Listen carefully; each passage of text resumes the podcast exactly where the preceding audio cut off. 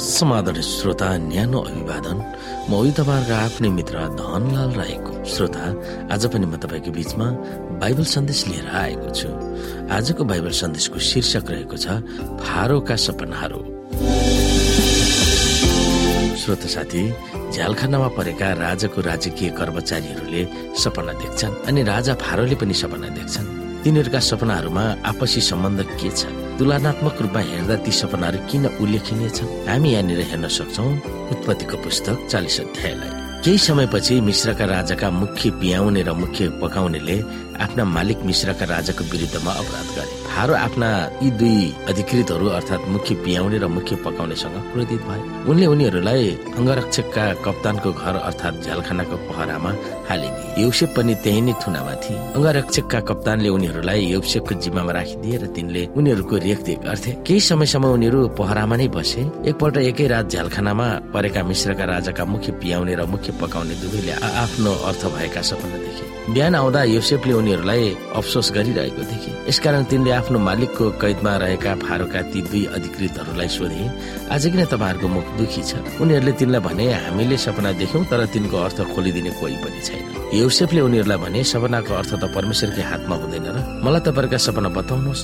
तब मुख्य पियाउनेले चाहिँ आफ्नो सपना योसेफलाई यसरी बताए मेरो सपनामा मेरो सामान्य एउटा दागको बोट थियो। दागको बोटमा तीनवटा हाँगाहरू थिए। त्यसमा टुसा पलाएपछि फुलहरू पनि ढकमक्क लागेर दागका झुप्पाहरू लटर भएर पाके। फारोको कचौरा मेरो हातमा थियो र मैले दाग निचोरेर फारोको कचौरामा हाले। र त्यो कचौरा फारोको बाहुलीमा टक्राए। योसेफले उनलाई भने त्यसको अर्थ हो तीन हाँगाहरू भनेको तीन दिन हो। तीन दिन भित्रै फारोले तपाईँको शिर ठाडो पारिदिनु हुनेछ फेरि तपाईँको आफ्नो काम दिनुहुनेछ। र तपाईँ अघि उहाँका मुख्य पियाउने हुनुहुँदा जस्तै फेरि फारोको कचौरा उहाँको बाहुलीमा टक्राउनुहुनेछ।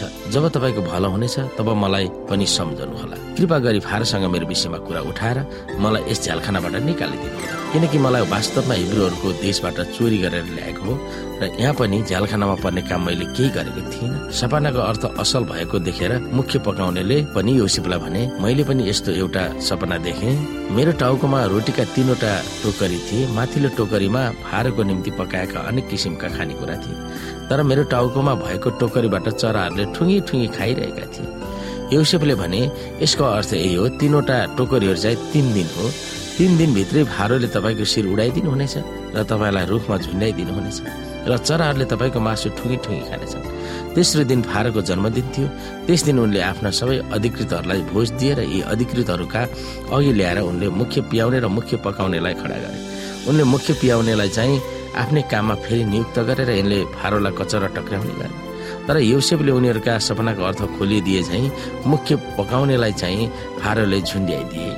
तापनि मुख्य पियाउनेले युसेफलाई सम्झेनन् तर तिनलाई बिर्सिहाले र यसको पुरा दुई वर्षपछि फारोले एउटा सपना देखे। सपनामा उनी नील नदीको किनारमा उभिरहेका थिए। नील नदीबाट सातवटा खुब सप्रेका मोटा मोटा गाईहरू निस्केर आए र काँसको घारीमा चर्न लागे। त्यसपछि अरू सातवटा हड्डी र छाला मात्र भएका दुब्ला दुब्ला गाईहरू नील नदीबाट तिनीहरूका पछि पछि निस्केर नील नदीको किनारमा उभिरहेका पहिलेका गाई जस्तै उभिए। ती हड्डी र छाला मात्र भएका दुब्ला दुब्ला गाईहरूले ती सातवटा सप्रेका मोटा मोटा गाईहरूलाई खाइहाले अनि फारो बिउछे त्यसपछि उनी फेरि निधाएर अर्को एउटा सपना देखे। सातवटा भरिला र असल अनाजका बाला एउटै डाँठमा उम्रिरहेका थिए। त्यसपछि सेप्रा र पूर्वीय बतासले ओल्याएका अरू सातवटा अन्नका बालाहरू पलाए अनि ती सेप्रा बालाहरूले ती सातवटा असल र भरिला बालाहरूलाई निलिहाले। अनि फारो बिउचे बिहान उनको हृदयमा भारी चिन्ता पर्यो अनि उनले मिश्रका सबै जादुगर र त्यहाँका सबै ज्ञानी पुरुषहरूलाई बोलाए। फारोले तिनीहरूलाई आफ्ना सपना बताए तर फारोलाई सपनाको अर्थ खोलिदिने त्यहाँ कोही भएन। तब ती मुख्य पियाउनेले फारोलाई भने मेरो भुल आज मलाई थाहा भयो। फारोले आफ्नो नोकरसँग रिसानी भएर मलाई र मुख्य पकाउनेलाई अङ्गरक्षकका कप्तानको कैदमा राख्नु हुँदा एउटै रात उनले र मैले आफ्ना आफ्नै अर्थ भएका सपना देखेका थियौँ। त्यहाँ अङ्गरक्षकका कप्तानको एकजना जवान हिब्रू नोकर हामीसँग थियो। र जब हामीले त्यसलाई हाम्रा सपना बतायौँ हामी दुवैको आफ्नो सपना अनुसार सपनाको अर्थ त्यसले हामीलाई खोलिदियो। त्यसले हामीलाई यस्तो अर्थ खोलेको थियो त्यस्तै हुन आयो यसै कारण फारोले योसेपलाई बोलाउन पठाएर उनीहरूले तिनलाई जालखानाबाट निकालेर ल्याए। तिनले दारी र कपाल खौरे र लुगा फेरे अनि तिनी फारोको सामान्य हाजिर भए।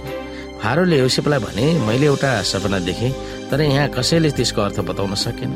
मैले तेरो विषयमा सुने कि सपना सुनेपछि तैले अर्थ खोल्न सक्छस् रे योसेफले फारोलाई भने त्यस्तो ज्ञान त ममा छैन तर यो परमेश्वरले फारोलाई यथार्थ उत्तर दिनुहुन्छ। तब फारोले यसको सपना पनि उनलाई सुनाए।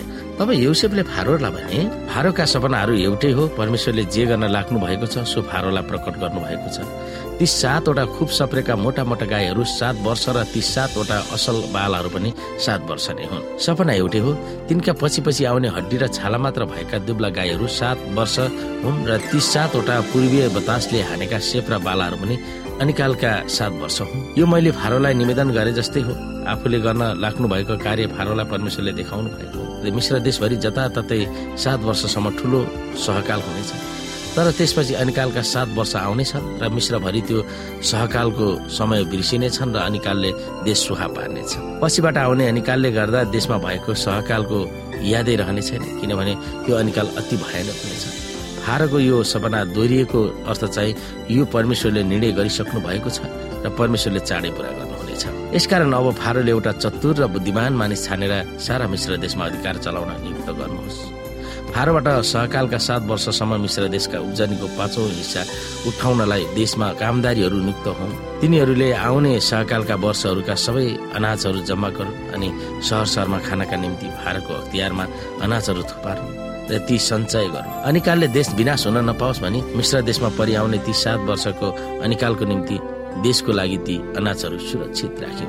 श्रोता परमेश्वरकै निगरानीमा जुन घट्नुपर्ने घटनाहरू हुन् सो जारी हुन्छ युसुफ झ्यालखानामा परेपछि केही समयमा झ्यालखानाको हाकिमले उनलाई कैदीहरूको रेखदेख गर्ने जिम्मा लगाइदिन्छ यस मामिलामा परमेश्वरकै हात छ भन्ने सन्देश पनि राजाले पाएको देखिन्छ किनकि सहकार र अनिकालको निम्ति रेखदेख गर्ने मिश्र देशको प्रमुख हुन युसुफलाई नै चुन्दा उनको जिकित थियो। तब फारोले युसुफलाई भने परमेश्वरले तिमीलाई नै सबै कुरा देखाइदिनु भएको छ। तिमी जस्तो चतुर र बुद्धिमान मानिस अरू छैन यसकारण मेरो महलको अख्तियार चलाउने तिमी नै भयो। र तिम्रै अनुसार मेरो समस्त प्रजा चल्नेछ। केवल सिंहासनको सम्बन्धमा मात्र म तिमी भन्दा माथि हुनेछु। श्रोता आजको लागि बाइबल सन्देश यति नै। हस्त नमस्ते जय मसिंह